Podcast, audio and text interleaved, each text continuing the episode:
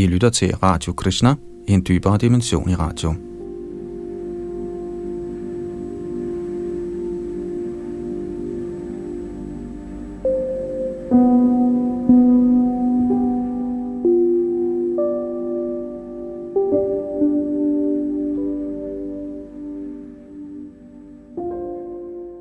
Vi skal til øh, Shrimad Bhagavatams 11. bog, kapitel nummer 28, som vi sidste gang netop ikke nåede at afslutte, og fortsætter i dag med tekst 38 frem til kapitlets slutning, og så videre med kapitel 29, der handler om Bhakti Yoga. Og det her det er den fortsatte samtale mellem Krishna og Udhava, Udhava Gita også kaldet, som øh, ligner Bhagavad Gita, men er noget længere. Her er det Yadunandandas, der sidder bag mikrofon og teknik.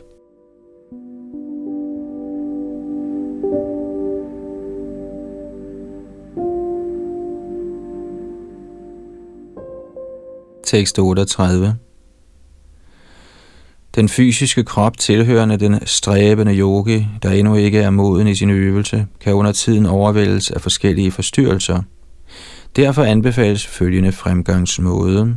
Kommentar efter at have beskrevet metoden til udvikling af kundskab, giver Herren nu instruktioner til den yogi, hvis læme måtte forstyrres af sygdom eller andre hindringer. De mindre fremskredne yogier, der er knyttet til kroppen og læmelige øvelser, er tit mangelfulde i deres realisation, og således yder Herren dem her lidt bistand.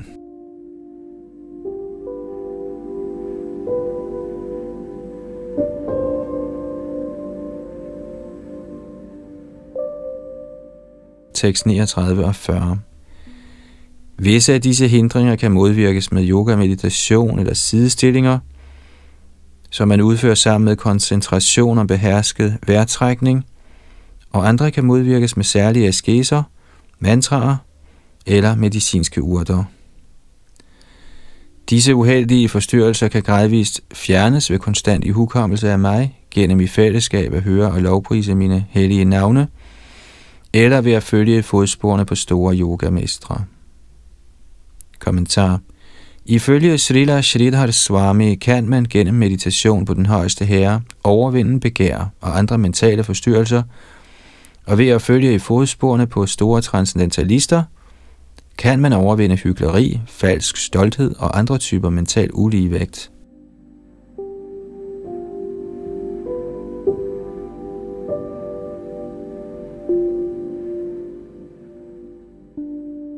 tekst 41.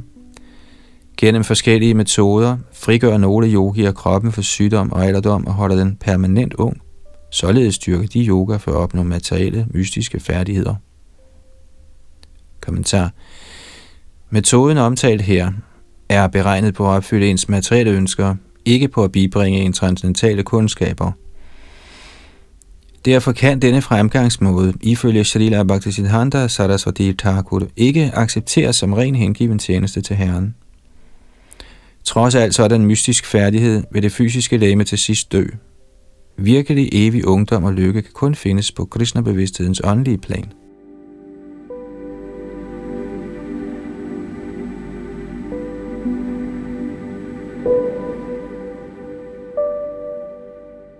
Tekst 42 denne mystiske læmelige fuldkommengørelse værdsættes ikke ret meget af dem, der er eksperter i transcendental kundskab. Faktisk anser de bestræbelser på sådanne færdigheder for at være diløs, siden sjælen, ligesom et træ, er permanent, hvorimod kroppen, ligesom et træs frugt, er genstand for ødelæggelse. Kommentar. Eksemplet her handler om et træ, der bærer frugt efter årstiden. Frugten eksisterer i et kort tidsrum, hvorimod træet kan leve i tusinder af år.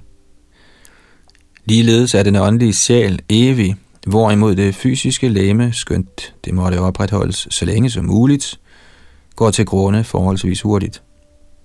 Kroppen må aldrig ligestilles med den evigt eksisterende åndelige sjæl. De, som faktisk er begavet, som faktisk besidder åndelig viden, er uinteresseret i materielle mystiske færdigheder.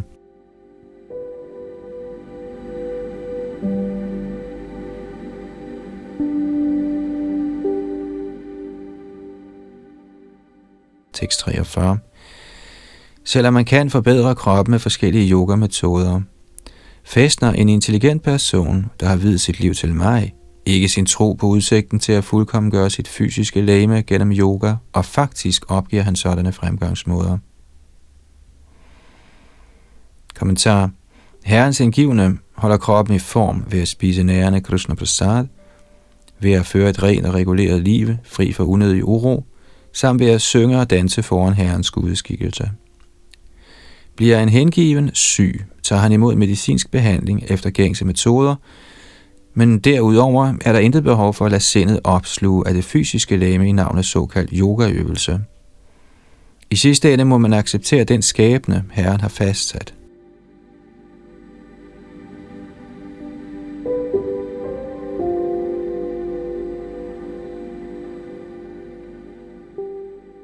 Tekst 44 Den yogi, der har søgt tilflugt i mig, forbliver fri for længsel, eftersom han oplever lykke fra sjælen indeni. Mens han således følger denne metode af yoga, overvindes han aldrig af hindringer.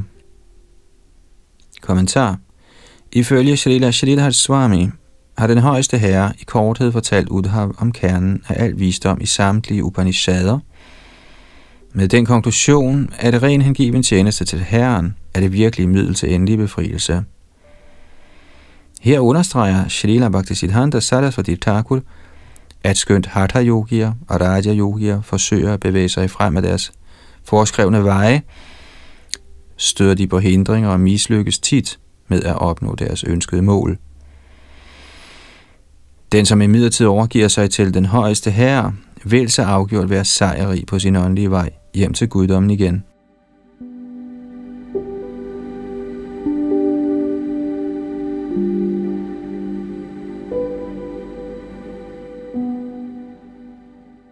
Således ender kommentarerne fra hans guddommelige nåde A.C. Bhaktivedanta Swami Prabhupads ydmyge tjenere til Srimad Bhagavatams 11. bog, 28. kapitel med titlen Jnana Yoga.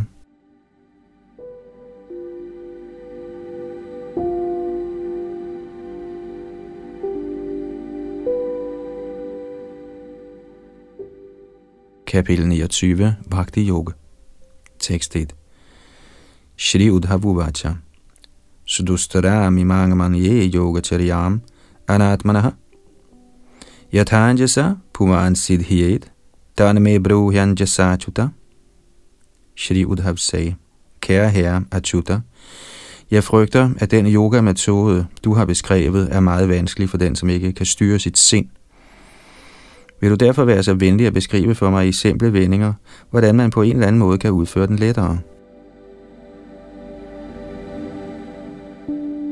Tekst 2 Prayasha Purndarikaksha Yunjanto Yogino Manaha.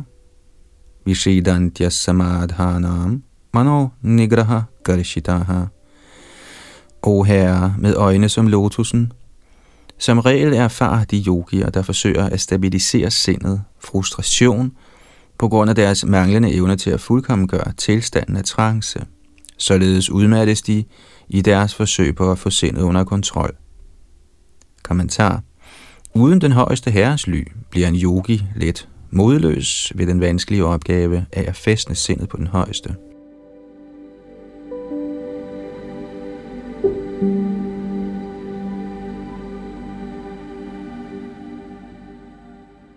Tekst 3 Athata ananda dugham padambujam hangsa shrayeran naravindalochana sukhang no vishveshvara yoga karma bhis dvanamaya yami vihatanamaninaha. Derfor, o lotusøjet herre over kosmos, søger svanelignende mænd lykkeligt ly ved dine lotusfødder. Kilden til al transcendental henrykkelse, men de, som er stolte af deres opnåelser i yoga og karma, mislykkes med at søge dit ly og bliver derfor overvundet af din illusionskraft. Kommentar Shri Udhav understreger her, at man kan nå til åndelig fuldkommengørelse helt enkelt ved at søge tilflugt i guddommens person. De, som gør således, kaldes for hangsar, de allermest skarpsindige mennesker, siden de er i stand til at lokalisere den åndelige lykkes virkelige kilde. Herrens lotusfødder. Ordet yoga, kadamabhi, peger på, at de, som tiltrækkes eller er stolte af opnåelser ud i mystisk yoga eller almindelige værtslige bestræbelser, ikke kan påskynde den store fordel ved lydigt at overgive sig til guddommens højeste person. Generelt er yogier og frugtbærende arbejdere stolte af deres såkaldte bedrifter, og er mere interesseret i deres egne anstrengelser end i selve Herren. Ved ydmygt at søge Herren Krishnas ly, kan man skride let og hurtigt frem på den Krishna-bevidste vej og vende hjem til guddommen igen.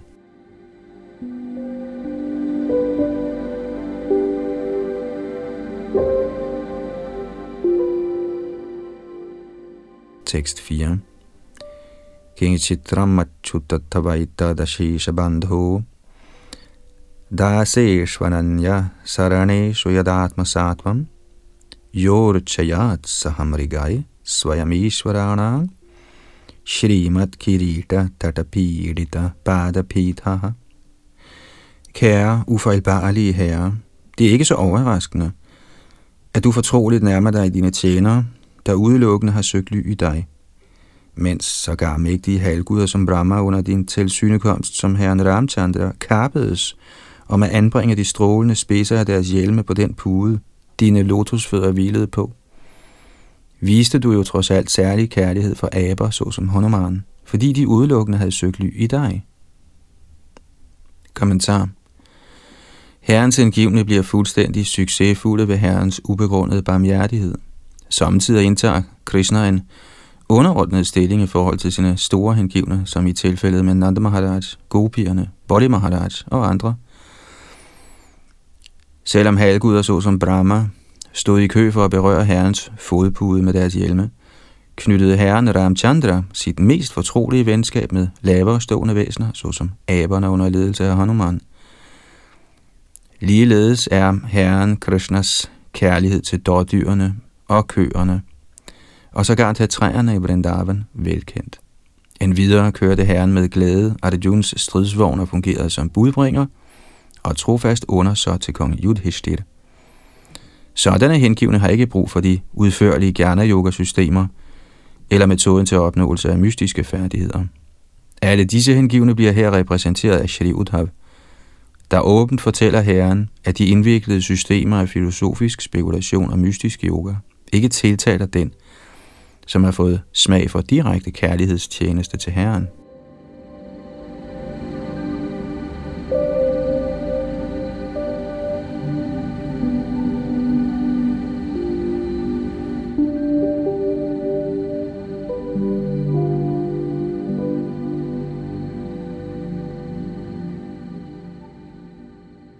Tekst 5 Tang tva kilatma daiteshvaramasritanang sarvarathadam svakrita vidvishrijeta konu. Ko va bhajet kim api vismritayenu bhutyai king va bhaven tavapada jushangnaha Så hvem i alverden ville da våge at afvise dig, selve sjælen, den kæreste genstand for tilbedelse og altings højeste herre, du som giver alle mulige fuldendelser til de hengivne, der søger dit ly. Hvem ville være så utaknemmelig, når de kender de fordele, du skænker? Hvem kunne afvise dig og acceptere noget med henblik på materiel nydelse, der kun fører til, at man glemmer dig? Og hvad mangler vi, der er optaget af tjeneste til støvet fra dine lotusfødder? Kommentar Som udtalt i Narayaniya fra Moksha Dharma i Shri Mahabharat, Ja sadhana Sampatti Purushartha Chatushtaye Taya Vina Tadapnoti Naro Narayana Shraya. Citat. Alt, der end måtte være opnåeligt blandt menneskelivets fire mål, gennem forskellige åndelige metoder, bliver automatisk opnået uden sådanne anstrengelser af den person, der har søgt ly i Herren Narayan – alle personers tilflugtssted. Citat slut. Således er en kristnebevidst person klar over, at han vil opnå al fuldendelse i livet ved ganske enkelt at overgive sig til Herren Krishnas hengivne tjeneste. Dette er yogaens højeste niveau, som bekræftet i Bhagavad Gita.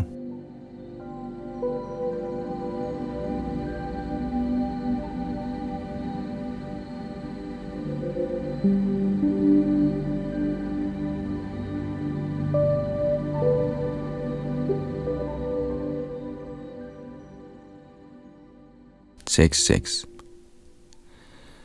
Naivo payantya pachitim kavayastavisha brahmayushapi kritamridha muda smaranta. Yontar bahistanobritham ashubhang vidhunvan acharya chaita vapusha svagatim Vyanakti.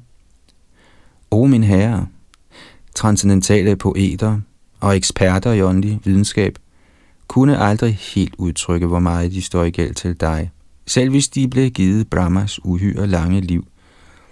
For du viser dig i to former, udvendigt som acharyan og indvendigt som oversjælen, for at udfri det læmelige gjorte levende væsen ved at vejlede ham, sådan at han kommer til dig.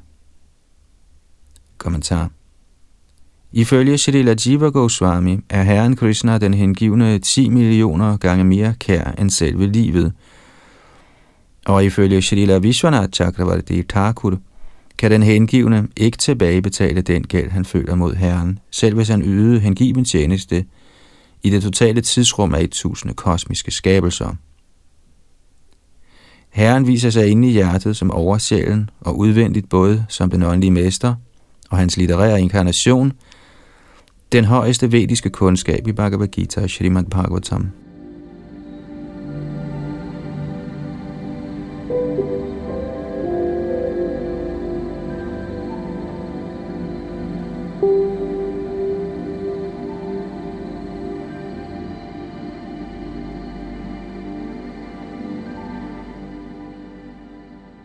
Seks, syv til 9. Sukadev Goswami sagde, således udspurgt af den meget kærlige Udhav, begyndte herren Krishna, alle beherskeres øverste kontrollører, der holder hele kosmos som sit legetøj og antager de tre skikkelser af Brahma, Vishnu og Shiva, at svare, mens han ømt viste sit helt igennem tiltrækkende smil. Guddoms højeste person sagde, Ja, jeg vil fortælle dig om principperne for hengivelse til mig, gennem hvis udførelse et dødeligt menneske overvinder den uovervindelige død. Mens man hele tiden husker mig, skal man gøre alle sine pligter for mig, uden at blive impulsiv. Med sind og intelligens tilbudt mig, skal man fæstne sit sind i tiltrækning til min hengivne tjeneste. Kommentar Ordene Madhadharamat Mamanodadihi betyder, at hele ens kærlighed og ømhed skal helliges guddoms højeste persons behag. Det nævnes ikke her, at man skal forsøge at nyde selvisk tilfredsstillelse i hengiven tjeneste, men snarere, at man skal være tiltrukket af Herrens egen tilfredsstillelse, så man opnår ved trofast at efterkomme befalingen fra en ægte åndelig mester, der befinder sig i disciplerækken fra Krishna selv. At være knyttet til sin egen tilfredsstillelse, sågar inden for konteksten af hengiven tjeneste, er materialistisk, hvorimod tilknytning til Herrens tilfredsstillelse er en ren åndelig følelse.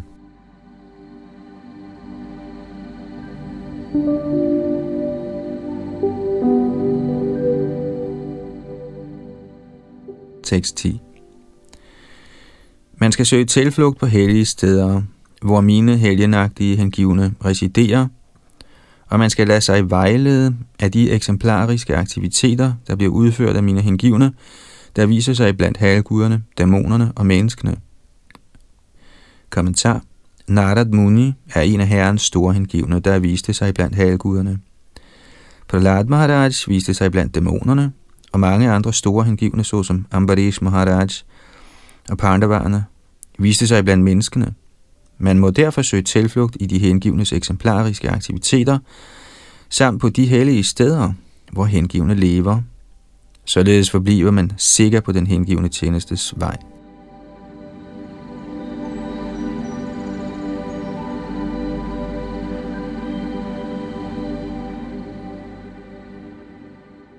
Tekst 11 og 12.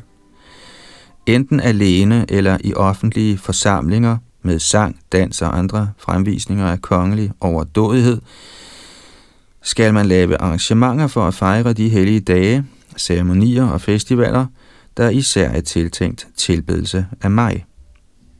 Med et rent hjerte skal man se mig, den højeste sjæl, inden i alle levende væsener og også inden i sig selv, som værende uplettet af noget materielt og også til stede overalt, både udvendigt og indvendigt, ligesom den alle steds nærværende æder. Kommentar Ifølge Shalila Vishwanath Chakravarti Thakur har herren talt dette vers for at tiltrække dem, der hælder til filosofisk spekulation over den absolute sandhed.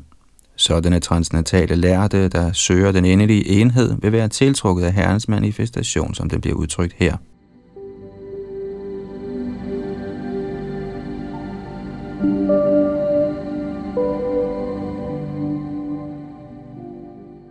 Tekst 13 og 14 O strålende udhav, den som således betragter alle levende væsener med den idé, at jeg er til stede inde i dem alle, og som i ly af denne guddommelige kundskab viser enhver behørig respekt, skal betragtes som i virkeligheden vis.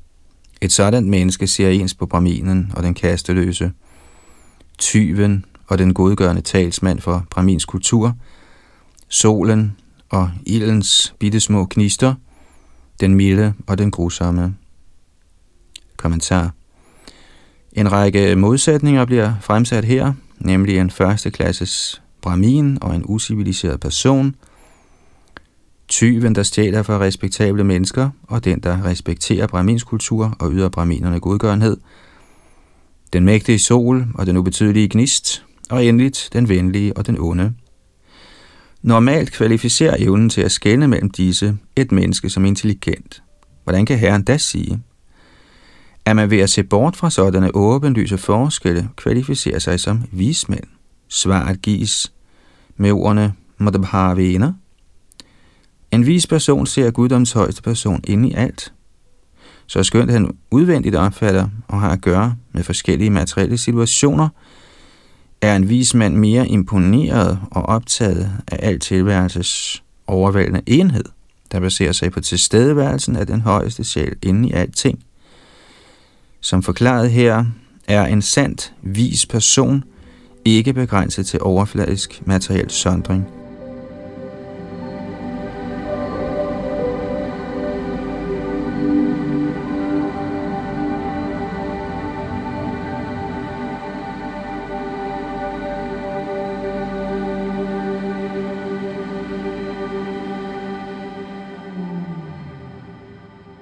Tekst 15.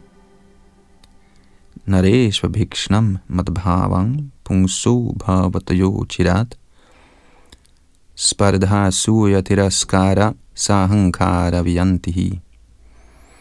For den, som konstant mediterer på min tilstedeværelse inde i alle personer, bliver de slette tilbøjeligheder af konkurrence, misundelse til lige med falsk ego, meget hurtigt ødelagt.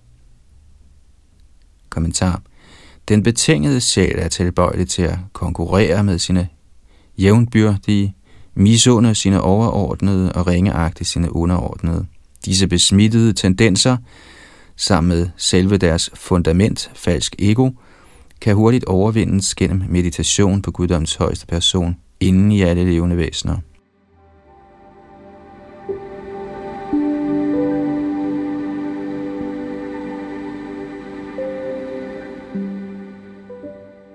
Tekst 16. Visridya mayamanan svan drishang vredang chadai hikim pranamed danda vad bhumav ashvachandala gokaram Uden at ense sine venners spot, skal man opgive den læmelige livsopfattelse og dens ledsagende forlegenhed. Man skal vise sin ærbødighed foran enhver, selv for hunde, kasteløse, køer og æsler, ved at falde fladt på jorden som en stav. Kommentar. Man må øve sig i at se guddommens højeste person inde i enhver skabning. Shri Chaitanya Mahaprabhu rådede alle hengivne til at betragte sig selv som lavere end et græsstrå og være mere overbærende end et træ. I en så ydmyg position forstyrres man næppe i udførelsen af ren hengiven tjeneste til Herren. En hengiven tænker ikke på tåbelig vis, at en ko eller et æsel er Gud, men snarere ser den hengivne den højeste herre inde i alle væsener, og på dette højere åndelige plan gør han ikke forskel. Tekst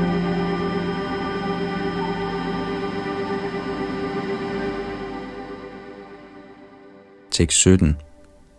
Yavat sarveshu bhuteshu madbhavo no pajayati tavadevam upasita vangamana kaya vrittibhi.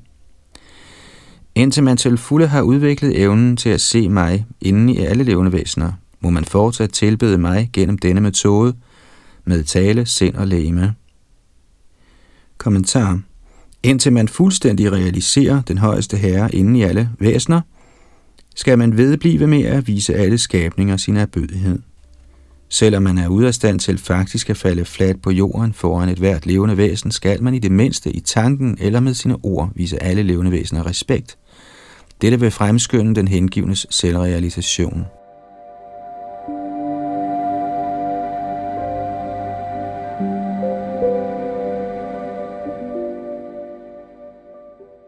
Tekst 18-20 Ved sådan transcendental kundskab om guddommens altgennemtrængende person, sættes man i stand til at se den absolute sandhed over alt. Således fri for alle tvivl ophører man med frugtbærende arbejde. Ja, jeg anser denne metode at bruge sind ord og lemlige funktioner til at realisere mig inden i alle levende væsener, for den bedste mulige fremgangsmåde til åndelig oplysning.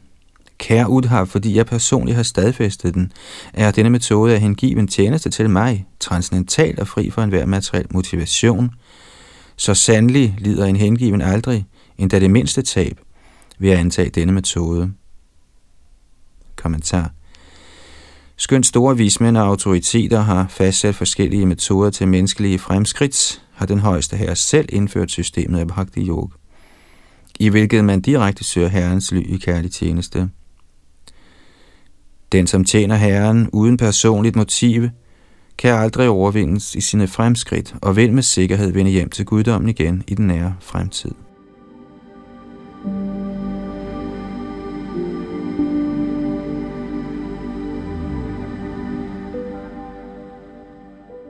Tekst 21 O Udhav, du største af vismænd. I en farlig situation græder en almindelig person, bliver bange og klager sig – Selvom sådanne værdiløse følelser ikke ændrer situationen.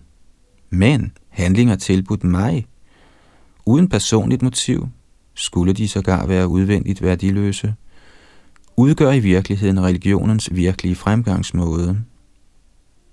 Kommentar Selv den ubetydeligste handling kan, så frem den tilbydes den højeste herre, uden personlig forventning, hæve en til det åndelige livs fuldkommengørelse – i virkeligheden beskytter og opretholder Krishna altid sin hengivne.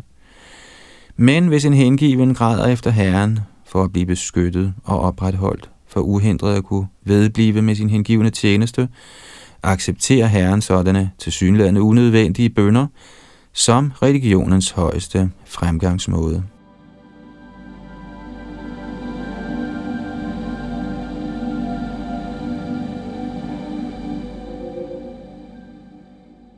Tekst 22. Denne metode er de intelligentes højeste intelligens og de dygtiges dygtighed. For ved at følge den, kan man sågar i dette liv gøre brug af det midlertidige og uvirkelige til at opnå mig, den evige virkelighed. Kommentar Som beskrevet i dette kapitel kan den, som ønsker personlig anseelse i Herrens tjeneste, ikke betragtes som begavet og dygtig. Ligeledes er den, som gerne vil være en sofistikeret transcendental filosof, ikke den mest begavede. Og heller er den, som er god til at optjene penge. Herren udtaler her, at den mest begavede og dygtige er den hengivne, som tilbyder ham sin midlertidige materielle krop og sine besiddelser med kærlighed og uden personlig forventning. Den hengivne opnår således den evige, absolute sandhed. Med andre ord er virkelig intelligens at overgive sig helt til Herren Krishna, uden personlige begær eller falskhed. Det er Herrens mening.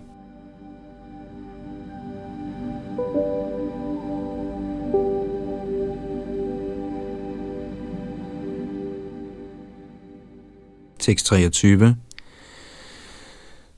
Således har jeg givet dig både i korthed og i detaljer en komplet gennemgang af videnskaben om den absolute sandhed. Selv for halvguderne er denne videnskab yderst vanskelig at forstå. Kommentar Ordet Devanam henviser til dem af de levende væsener, der er i godhedens kvalitet, såsom halvguder, helgener og fromme filosofer, der trods dette ikke er i stand til at forstå den absolute sandhed, fordi de mangler total overgivelse til guddommens person.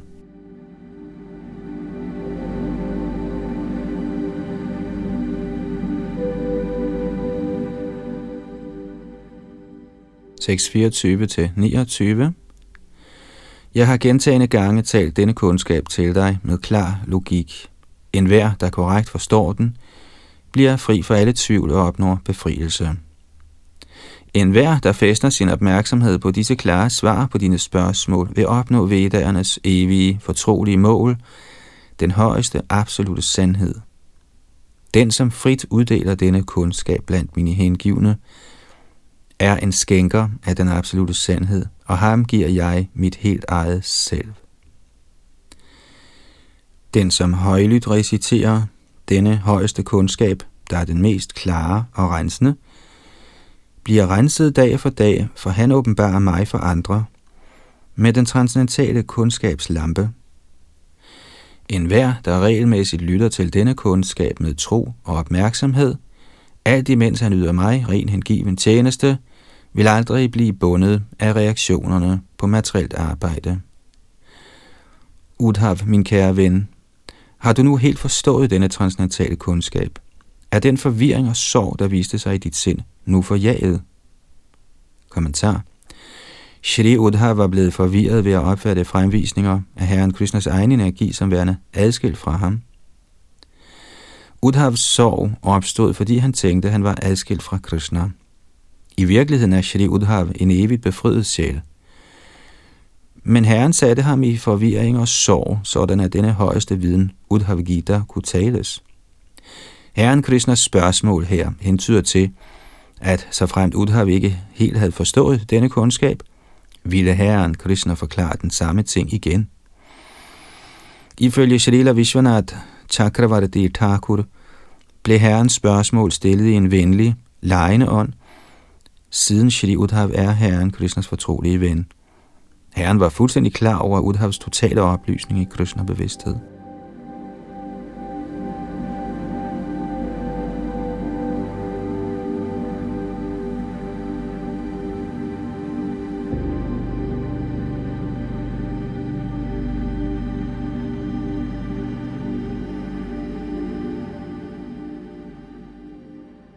Tekst 30-33.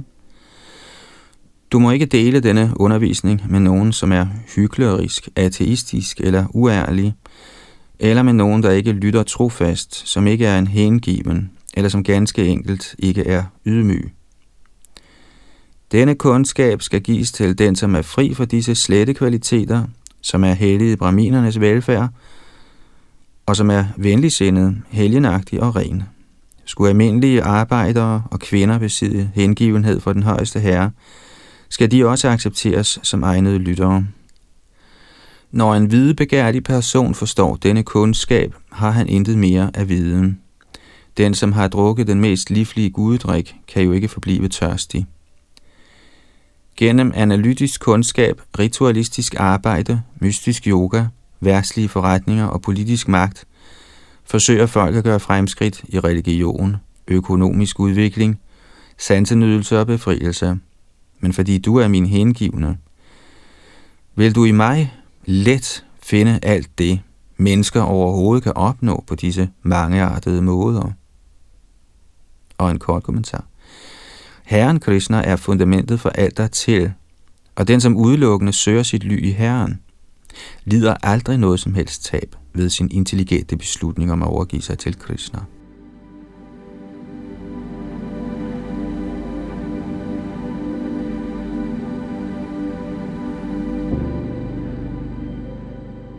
Tekst 34 til 36. Den, som forlader alle frugtbærende handlinger og giver sig selv helt til mig, ivrig efter at yde mig tjeneste, opnår befrielse fra fødsel og død og bliver forfremmet til statusen af at dele mine egne rigdomme. Shukadev Goswami sagde, efter således at have hørt disse herren Krishnas ord og efter således at være blevet vist hele yogaens vej, foldede Udhav sine hænder for at vise sin erbødighed. Men hans hals kvalte sig kærlighedens gråd, og hans øjne flød over med tårer, så han kunne intet sige. Udhav samlede sit sind, der var blevet overmandet af kærlighed, og han følte over ordentlig taknemmelighed mod herren Krishna, Yadu-dynastiets største held. Kære kong Pariksit, Udhav bøjede sig ned for at berøre herrens lotusfødder med sit hoved og talte så med foldede hænder. Kommentar. Ifølge Srila Jiva Goswami trængte frygten for adskillelse fra herren Krishna hele tiden ind i Sri Udhavs sind, og således forsøgte han at bevare sin entusiasme ved at huske herrens store venlighed mod ham. Han samlede sit sind med følelser af taknemmelighed mod herren.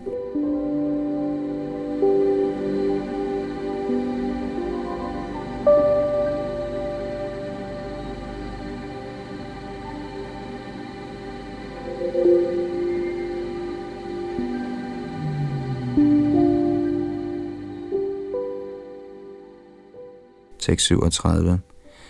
Shri Udhav sagde, O du ufødte og oprindelige herre, skønt jeg var faldet i illusionens mørke, er min uvidenhed nu forjaget ved dit barmhjertige samvær. Ja, hvordan kan kulde, mørke og frygt have nogen magt over den, som har nærmet sig den strålende sol? Kommentar. Selvom Shri Udhav frygtede adskillelsen fra guddommens højeste person, Herren Krishna, forstår han nu, at Herren i en fundamental forstand er alting. Krishna bevidsthed kan aldrig trues eller formindskes for den, som til fulde har søgt ly ved Herrens lotusfødder.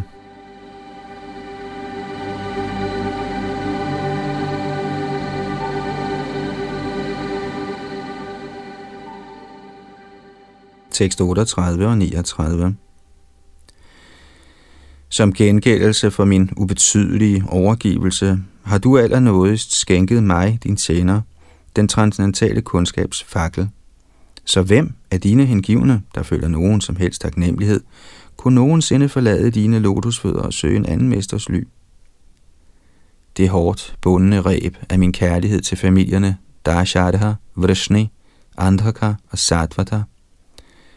Et reb, du oprindeligt kastede over mig med din illusionskraft med henblik på at udfolde din skabelse – er nu skåret over med våbnet af transnatal kundskab om selvet. Kommentar Skønt medlemmerne af de familier, der omtales i dette vers, er Krishnas evige omgangsfælder og således behørige genstande for ømhed, opfattede Shri Udhav dem som sine personlige slægtninge snarere end helt enkelt herrens rene hengivne. Påvirket af herrens illusionskraft havde Udhav ønsket disse dynastiers trivsel og sejr, men nu har han, ved at høre Krishnas undervisning, igen fastnet sit sind udelukkende på Herren Krishna, og således betragter han sine såkaldte familiemedlemmer uden nogen værtslige begreber som Herrens evige tjenere.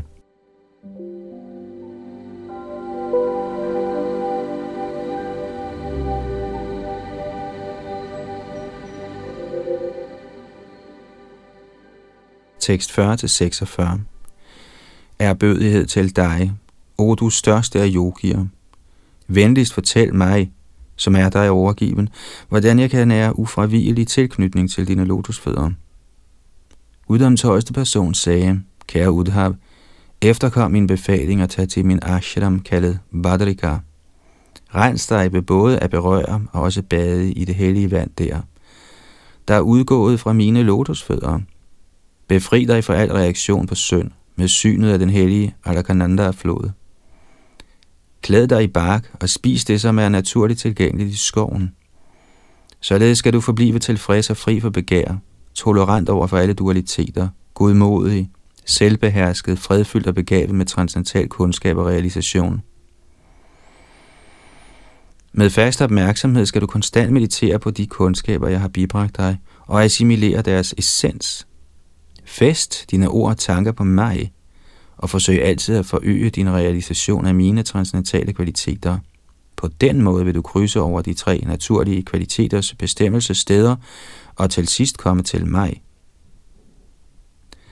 Sukadev Goswami sagde, således tiltalte Herren Krishna, hvis intelligens helt ødelægger det materielle livs elendighed, gik Shri Udhav rundt om herren og faldt så ned og lagde sit hoved på herrens lotusfødder. Selvom Udhav var helt upåvirket af materielle dualiteter, bristede hans hjerte, og i denne afskedens time druknede han herrens lotusfødder med sine tårer. Af voldsom frygt for at blive adskilt fra ham, mod hvem han følte sådan uforgængelig ømhed, var Udhav fortvivlet, og han var ude af stand til at forlade herrens selskab. Endeligt, i stor smerte, bøjede han sig ned for herren igen og igen, tog sin mesters tøfler på sit hoved og drog afsted. Kommentar Ifølge kapitel 4 i Bhagavatams tredje bog, tekst nummer 5, hørte Udhav undervejs til Badarikashram om herrens rejse til Prabhas.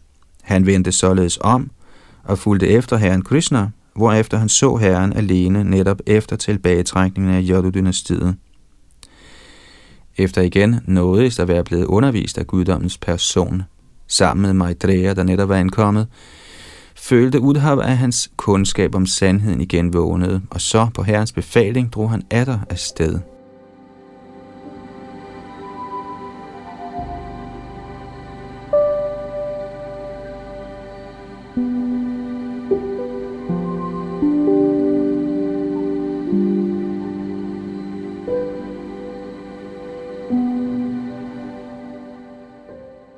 Tekst 47 med herren placeret dybt inde i sit hjerte, drog den store hengivne Udhav til Badrikashram. Der gav han sig til at dyrke askese, og opnåede således herrens personlige bolig, der var blevet beskrevet for ham af universets eneste ven, herren Krishna i egen person. Kommentar Shri Udhav vendte ifølge Srila Vishwanath Chakravarti Thakur hjem til Dvaraka i den åndelige verden –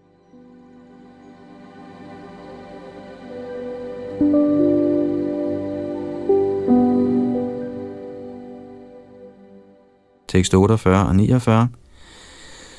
Således talte Herren Krishna, hvis lotusfødder tjenes af alle mægtige yogamestre, denne nektar søde kundskab, der udgør hele oceanet af åndelig lyksalighed.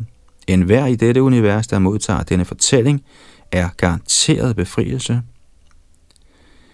Jeg viser min erbødighed for denne højeste person i guddommen, den oprindelige og største af alle væsener, Herren Shri Krishna. Han er Vedernes forfatter, og kun for at ødelægge sine hengivnes frygt for materiel eksistens, har han ligesom en bi indsamlet denne livlige essens af al kundskab og selvrealisation. Således har han tildelt sine mange hengivne denne gudedrik fra lyksalighedens ocean, og ved hans barmhjertighed har de drukket den. Kommentar Ligesom en bi udtrækker nektar fra en blomst uden at gøre blomsten for træd, udtrækker Herren Shri Krishna essensen af al vedisk kundskab uden at forstyrre det udførlige system af vediske fremskridt. Med andre ord, stadfæster Herren Krishna sig selv som den vediske videns mål, uden at ødelægge præliminære, lavere stående fremgangsmåder, der kan være relevante for groft materialistiske mennesker – Shri Sukadev Goswami afslutter således ved at vise sin erbødighed for hele universets åndelige mester, Herren Shri Krishna.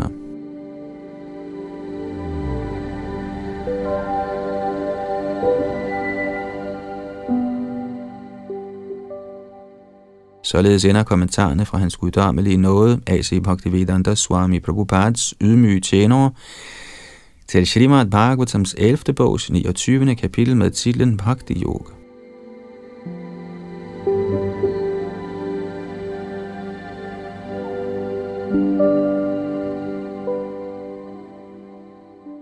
Kapitel 30 Yadu-dynastiets forsvinden. Tekst 1 Shri Rajo Vacha Tato Maha Bhagavata Udhave Nirgatevanam. Dvaravatyang Kimakarod Bhagavan Bhuta Bhavanaha.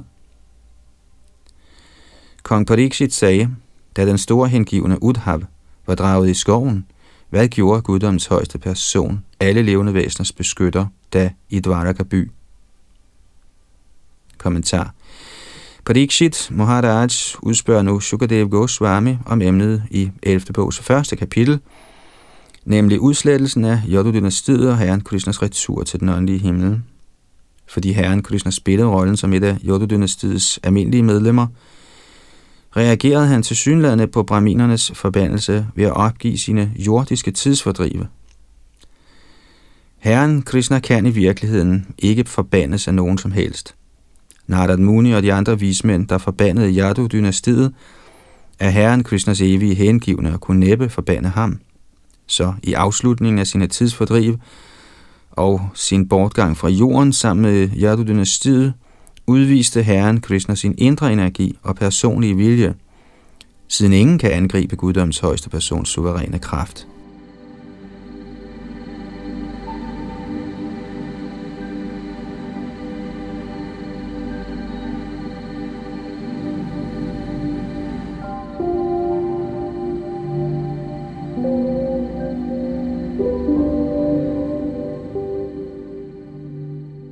Tekst 2 da hans eget dynasti havde mødt sin undergang ved braminernes forbandelse, hvordan kunne den forreste af jarduerne forlade sit lame, den allerkæreste genstand for enhvers øjne? Kommentar i relation til dette vers forklarer Shalila Jiva Goswami, at guddommens person aldrig forlader sit åndelige lame, der er evigt, fyldt af lyksalighed og kundskab.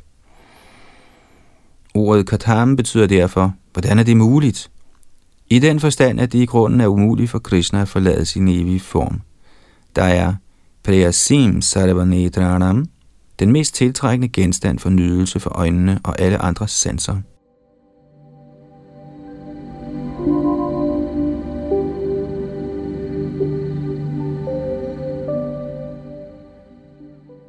Tekst 3 En gang var deres øjne festnet på hans transcendentale skikkelse, kvinder var ude af stand til at se på noget andet.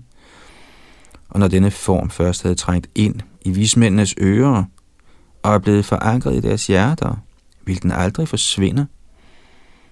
For ikke at tale om berømmelse, ville de store poeter, der beskrev skønheden ved Herrens form, få deres ord indhyldet i transcendentalt behagelig tillokkelse. Og ved at jagtage denne skikkelse på Arjuns stridsvogn, opnåede alle krigere på Kurukshetras slagmark befrielsen af et åndeligt læme på linje med herrens. Kommentar Transcendentale, befriede personligheder, såsom Vrindavans gopier og Rukmini, den oprindelige lykkegudinde, mediterede konstant på herrens åndelige læme.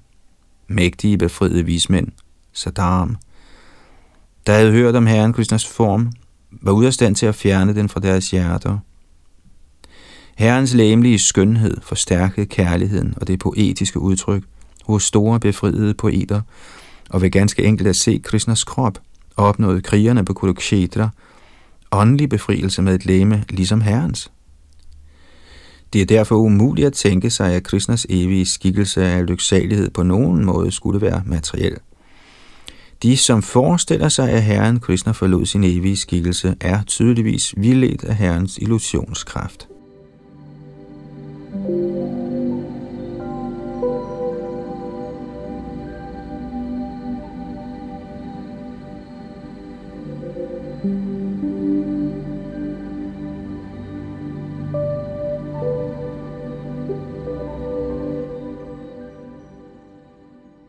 4 Sukadev Goswami sagde, Herren Krishna, der bemærkede mange onde varsler på himlen, på jorden og ude i rummet, talte til jaduerne, der var forsamlet i Sudharmas rådsal, som følger. Kommentar. Ifølge Srila Shridhar Swami var det onde varsel på himlen, fremkomsten af en halo omkring solen, og på jorden var der mindre jordskælve, og ude i rummet var der et unaturligt rødt skær ved horisonten. Disse og andre sådanne varsler kunne umuligt modvirkes, fordi de blev personligt arrangeret af Herren Krishna.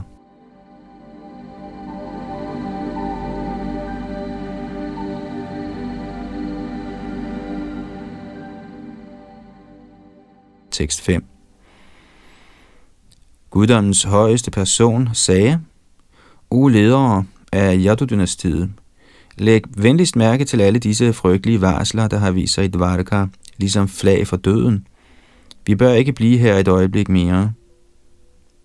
Kommentar Srila Vishwanath Chakravarti Thakur har givet en rigelig mængde beviser fra de vediske bøger til støtte for, at guddommens persons menneskelignende form, hans hellige navn, bolig, udstyr og omgangsfælder, alle er evige åndelige manifestationer uden det mindste spor af materiel forurening.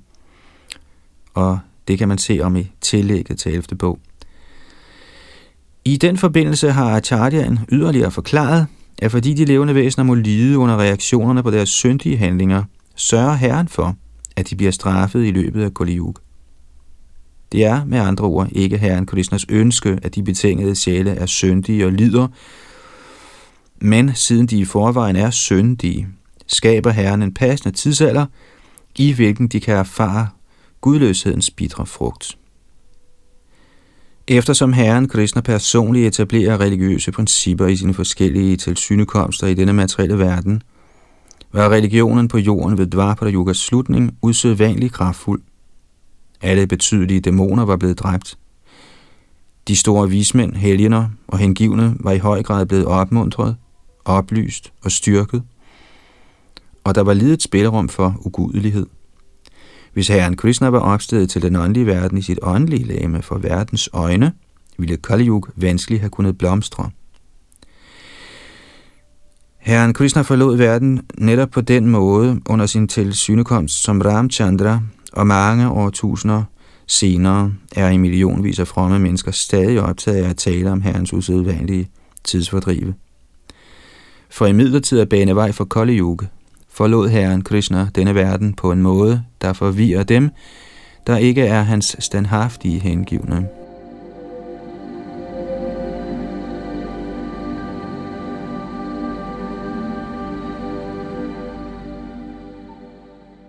Herrens evige skikkelse bliver beskrevet gennem den vediske litteratur, og denne hans evige form udgør den højeste forståelse af den absolute sandhed ifølge alle store acharyaer, herunder Sankaracharya og Chaitanya Mahaprabhu. Men skønt Herren Krishnas evige åndelige skikkelse er en realiseret kendskærning for fremskredne hengivne, er Herrens tidsfordriv og plan under tiden vanskelige på behørig vis at værdsætte for dem, der er svage i Krishna-bevidsthed.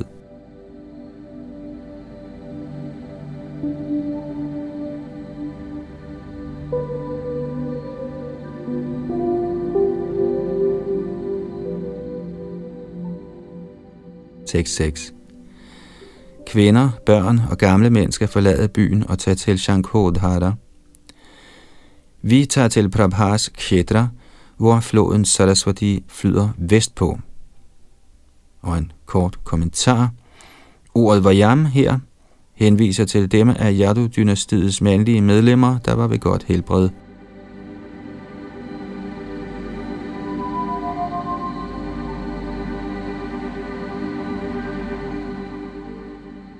tekst 7-12. Der skal vi tage rensende bad, faste og forankre vores sind i meditation.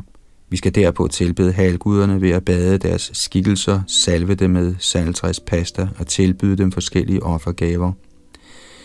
Efter at have udført soningsritualerne, hjulpet af de yderst heldige braminer, skal vi tilbede disse braminer ved at forære dem køer, landjord, guld, klæder, elefanter, heste, vogne og boliger. Dette er så afgjort den behørige metode til modvirkning af vores forestående ulykke, og den vil med sikkerhed bringe den højeste gunst. Sådan tilbedelse af halvguderne, braminerne og køerne kan velsigne alle levende væsener med den højeste fødsel. Da de havde hørt disse ord fra herren Krishna, Madhus fjende, gav Yadu-dynastiets ældre medlemmer deres billigelse ved at sige, lad det være så. Efter at have krydset havet i skibe, fortsatte de i vogne til Prabhas. På det sted udførte Yadavarne med stor hengivenhed de religiøse ceremonier ifølge anvisningerne fra guddoms højeste person, deres personlige herre. De gennemførte også forskellige andre lykkebringende ritualer. Så blev deres dømmekraft tildækket af skæbnen, og de hengav sig til frit at drikke den dejlige Mairea-bryg, der fuldstændig kan beruse sindet. Kommentar Ordet Dishtar her henviser til guddoms højeste persons vilje. I 11. bogs første kapitel, forbandelsen over Yadu-dynastiet, bliver denne hændelse indgående beskrevet.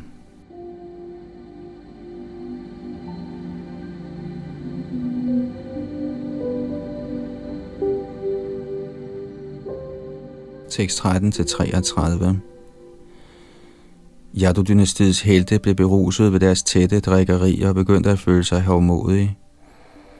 Da de således var blevet forvirret af herren Krishnas personlige kraft, opstod et voldsomt skænderi blandt dem. I deres raseri greb de deres spuer og pile, svær, vallarer, køller, lanser og spyd og angreb hinanden på bredden af oceanet.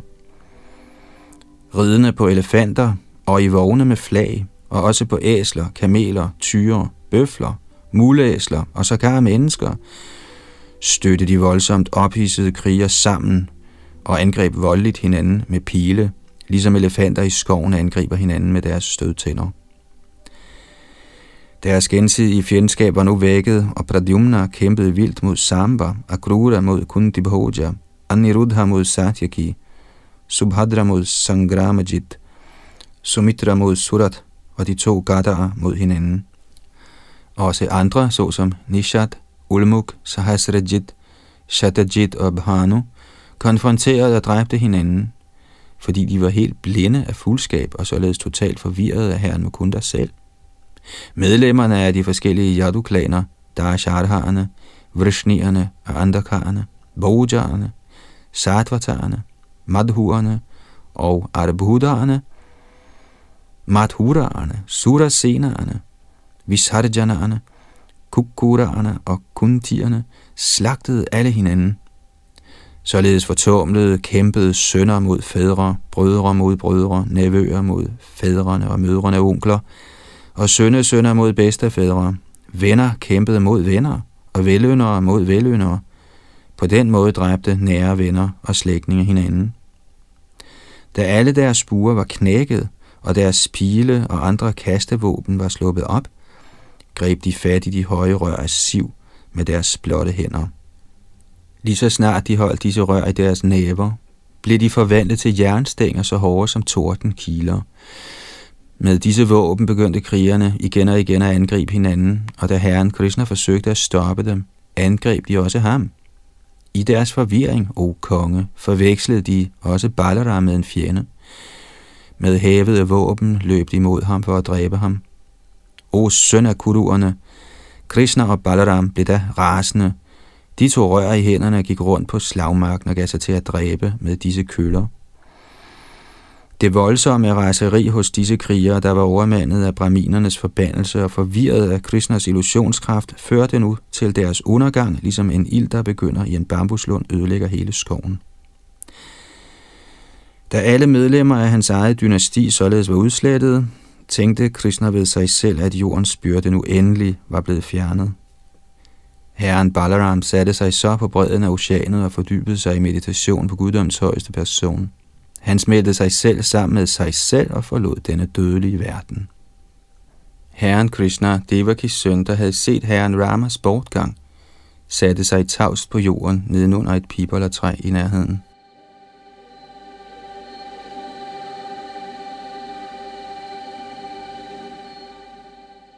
Ja, midt i denne fantastiske beskrivelse løber tiden fra os, og vi er tvunget til at fortsætte i næste ombæring. Det her, det var Shrimad Bhagavatams 11. bog, og det var Yadunandan Das bag teknik og mikrofon.